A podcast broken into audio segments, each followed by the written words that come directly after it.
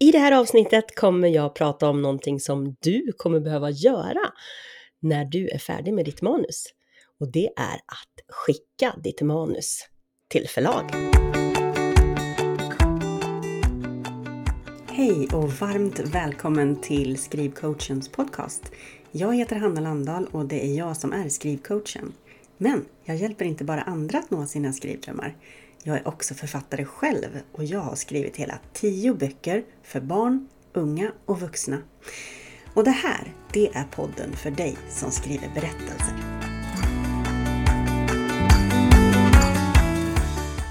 Okej, när du har suttit där alla de där timmarna, de där veckorna, de där månaderna, kanske till och med åren har gått och du känner dig klar ja, du har redigerat och redigerat och redigerat och nu kommer du inte längre. Nu har du gjort det bästa du kan för ditt manus.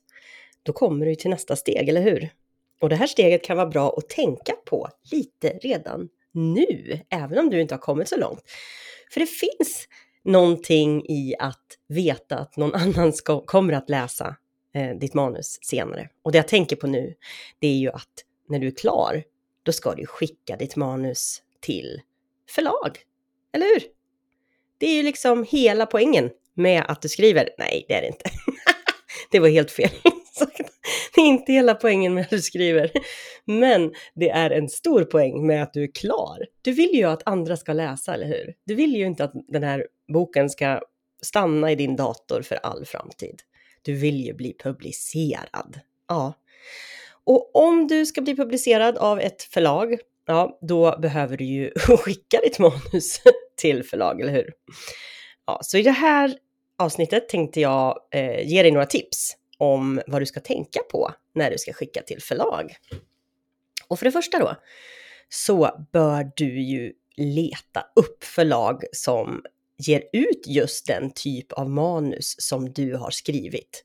Och det här kan ju låta väldigt självklart, Eh, som att det, det är väl klart att man bara skickar till dem som ger ut den typen. Men jag vet också att det är så att många förlag får an, helt andra typer av manus än det som de ger ut. Och jag tänker att man har mycket att vinna på att inte bara liksom skicka till alla, utan att faktiskt kika lite på vad det finns för förlag och vad, vad, vilket som skulle kunna vara det förlag som du allra helst skulle vilja eh, bli utgiven av. Och det kan man ju göra genom, såklart genom att titta på deras hemsida. Där får man en väldigt klar bild av vad det är för typ av böcker som de ger ut. Så det är ingen idé om du har skrivit ett barnboksmanus, är det ju ingen idé att skicka det till ett förlag som inte ger ut barnböcker, eller hur? Mm, så är det ju. Eh, men man kan också vara lite mer, eh, ännu, ännu mer nischad när man letar. Eh, man kan se om det finns något förlag som verkligen verkar ha den typen av böcker som man själv har skrivit. Eh, har du skrivit en feelgood med ehm, eh, bett i, säger vi, ja men då kanske du ska leta efter något förlag som, som verkar gilla den typen av böcker. Har du skrivit en, en eh, hårdkokt deckare, ja men då får du leta efter en sån, sånt förlag som verkar gilla den typen av böcker. Kanske vet du någon författare som du din bok inte är helt olik. Ibland kan det vara väldigt bra att, att eh, fundera kring det. Um, ja, så att jätteviktigt, skicka bara till förlag som, som um, du eh, eh, som, som ger ut den typ av böcker som du har skrivit. Ja, det var den första, första eh, punkten.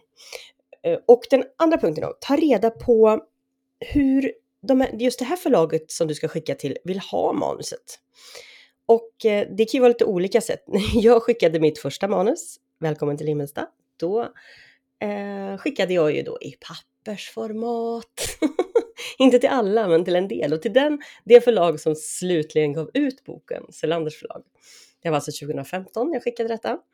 Eh, det, eh, Selanders förlag tog då bara emot eh, manus i eh, pappersformat. Så jag fick printa ut och gå till posten och sätta på frimärke och allt det där, vet. Mm.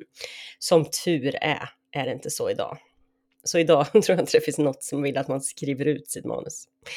Såklart. Eh, men det finns ju många förlag, en del förlag har ju liksom speciella tjänster på sin hemsida där man eh, laddar upp sitt manus och sitt följebrev. Andra förlag vill att man skickar mail. Mm, de brukar också ha olika idéer kring eller önskemål kring om vad det är för format man ska skicka det i om de vill. Oftast är det ju Word eller PDF. Ibland går det bra med vilket som, ibland så vill de ha speciellt. Eh, och det är bra att man håller sig till det då. En del förlag vill också ha synopsis. Eh, och vad ett synopsis är ju liksom en hel vetenskap i sig.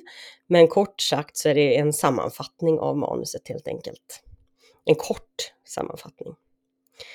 Ja, så precis. Titta efter förlag som verkligen ger ut den typ av manus som du eh, har skrivit. Och ta reda på hur de, just de, det här eller de här förlagen vill ha manuset. Eh, ja, och den tredje punkten då är att du ska se till att ditt manus är lätt att läsa. Och det här låter väl kanske ganska självklart, eh, såklart, att det ska vara lätt att läsa. Men jag skulle vilja hävda att till exempel eh, att skriva i eh, för, liten, för litet ty, eh, teckensnitt. Vad heter det så? Teckensnitt? Ja, för litet typ, nej, för, li, för liten, för liten text helt enkelt. För små tecken. Ehm, det är inte bra till exempel. Att inte ha, att ha så enkelt radavstånd är också svårt att läsa. Att dessutom ha, eh, inte ha så mycket marginaler på sidorna gör det också svårare. Så mm, jag vet att många, många förlag vill att man har lite space i marginalerna till exempel. Att man ökar på det lite grann. Så att de har möjlighet, om de skriver ut manuset och läser på papper, att de har möjlighet att skriva lite vid sidan. Jag vet att många förlag också vill att man har ett och ett halvt radavstånd eller, eller eh, dubbelt radavstånd mm, och inte enkelt. Och jag tycker också att man bör ha åtminstone, eller åtminstone man bör ha 11 eller 12 punkter i storlek på sina tecken. Och också när man väljer typsnitt så är det ju någonting man kan, väldigt enkel sak att, att tänka på, att man inte tar något krångligt typsnitt. Det kommer aldrig uppskattas, utan ta något av de enklaste. Jag skriver alltid i Times New Roman och det finns ju även andra som är helt enkla och som, som liksom är, man är van att läsa. Så krångla inte till det. Ja, så det var de tre första punkterna här. Hitta förlag som ger ut en typ av böcker som du ska ge, eh, har skrivit. Ta reda på hur de vill ha sitt manus och, eller ditt manus och se till att eh, ditt manus är lätt att läsa. Och nu kommer vi till den fjärde punkten här. Eh, och det här är ju en spännande eh, punkt som jag vet att många funderar mycket över. Och det är det här följebrevet som man ska skicka med sitt manus. Vad ska då ingå i ett följebrev? Ja, det är, är ju inte riktigt som en, ett eh, Eh, ansökningsbrev till ett jobb, eh, skulle jag säga. För fokuset ska ju inte, åtminstone inte helt och hållet, vara på dig och vad du har gjort i ditt liv. Det är förlaget ganska ointresserade av i de flesta fall, skulle jag säga. Det de är intresserade av, det är vad har du skrivit för manus och varför är det ett manus som de borde ge ut? Den frågan ska du svara på i ditt brev. Vad har du skrivit för manus och varför är det här ett manus som just de vill ge ut? Och då kan det vara bra att ha koll på vilket förlag man ska skicka till. Eh, kanske är det så att man kan dra en, en parallell till någon författare som de har gett ut tidigare. Att det här liknar lite grann den här eh, författaren eller den här boken. Um, ja, så, så man kan dra en liten sån parallell så att de också känner att du har gjort din läxa du har tittat och du vet vad de är för förlag. Du kanske också skriver att du faktiskt gärna vill bli utgiven av dem därför att du gillar böckerna som de ger ut. Sånt gillar alla att höra. och då kan man få en liten positiv, eh, positiv inställning till ditt manus på en gång. Men följebrevet ska ju då också innehålla någon form av presentation av dig, en kort sådan. Eh, vem är du? Ehm, men det ska ju framför allt innehålla en presentation av ditt manus. Och eh, då handlar det ju om vad handlar den här boken om? Vad handlar ditt manus om? Vilken genre är den skriven i? Eh, är det en feelgood? Är det en, en ehm, eh, litterär roman? Är det en eh, ungdomsroman? Är det, ja, är det en psykologisk thriller? Är det en skräckroman? Är det en fantasy? Ja, men du vet, det här måste framgå direkt. Eh, och en sak som många glömmer att fundera kring, det är målgruppen. Vem vänder sig det här du, vem vänder du dig till med ditt manus? Vilken är din, din ehm, eh, drömläsare? Vem är det? Och det bör du beskriva och då kan det ju handla om, alltså är det en barnbok till exempel så är det väldigt viktigt att beskriva vem, eh, alltså är det, är det, vilken ålder vänder det sig till? Eh, vänder, vänder du dig till eh, tioåringar eller 15-åringar eller treåringar? Det behöver de veta och det behöver de veta direkt för ofta så kanske de har olika personer som läser olika typer av manus. Och då behöver man få veta vilken målgrupp man vänder sig till. Och även eh, så är det bra att du, att, de, att, de, att du visar för dem att du har koll på det här med målgrupper. Vem ska läsa din bok?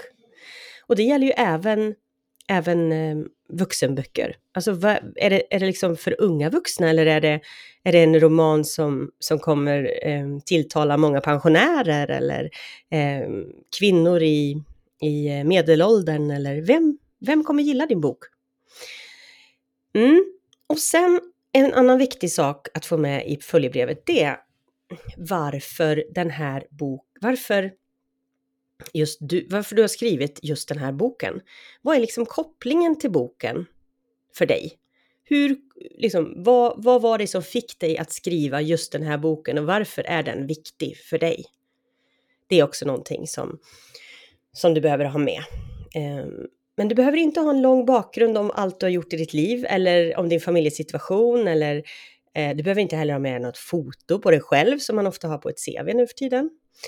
Um, utan fokus här är ju texten.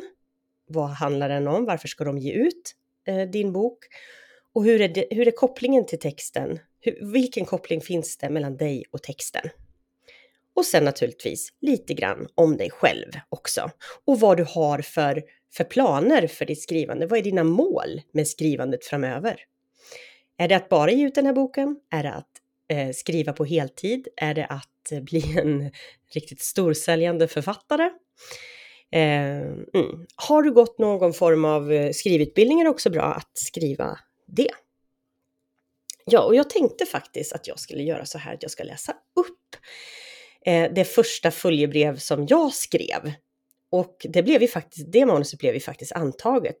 Jag tycker att det här följebrevet är för långt. För min del, nu när jag skriver följebrev eller när jag har gjort det senare, då har jag inte skrivit så här långa följebrev som det här. Eh, och det tror jag inte heller att du behöver göra. Men jag tänker ändå att jag läser upp det här, för det här har ju ändå blivit antaget av ett förlag innan jag, alltså det var ju min första bok.